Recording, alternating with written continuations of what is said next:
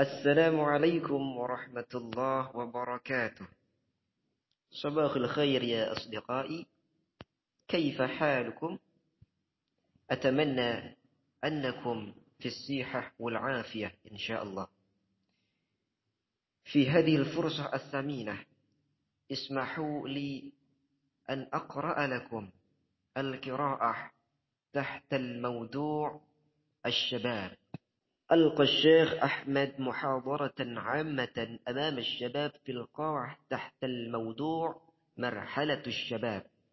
ومن خطباته أيها الشباب أنتم الآن بلغتم مرحلة الشباب وهي مرحلة بعد الطفولة وهي مرحلة مهمة في حياتكم وفي بناء أجسامكم وعقولكم وفي تحقيق آمالكم في مستقبل الحياة.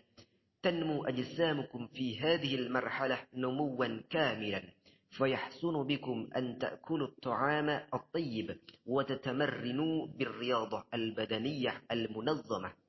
وكذلك تنمو عقولكم في هذه المرحلة نموا سريعا. لا بد لكم أن تنظموا أعمالكم في حياتكم وتقسموا أوقاتكم بين العمل والراحة. وبين الرياضة والدراسة. ولا تقضوا أوقاتكم بطول السهر وغير ذلك من الأعمال غير النافعة لمستقبل حياتكم. قال الشيخ مصطفى الغلايين في كتابه موعظة الناشئين يا معشر الناشئين أنتم شبان اليوم ورجال الغد. إن في أيديكم أمر الأمة وفي أقدامكم حياتها.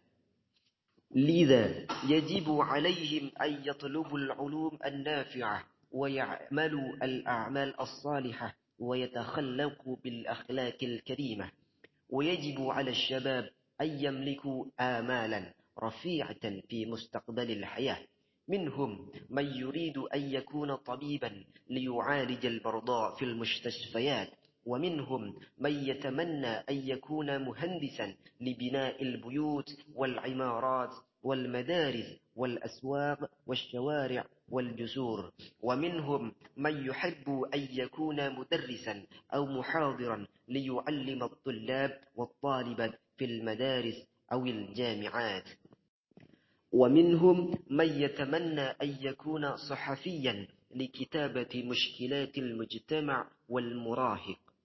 والآخر يفضل أن يكمل دراسته في جامعة دينية ليكون داعيا مشهورا للإسلام.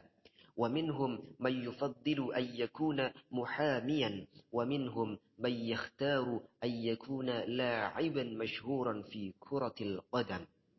من كتاب اللغة العربية للمدرسة الثانوية الإسلامية. هكذا مني. إن وجدتم مني الخطيئة والغليظة من كلام السابق أقول عفوا كثيرا وشكرا جزيلا على اهتمامكم ثم السلام عليكم ورحمة الله وبركاته.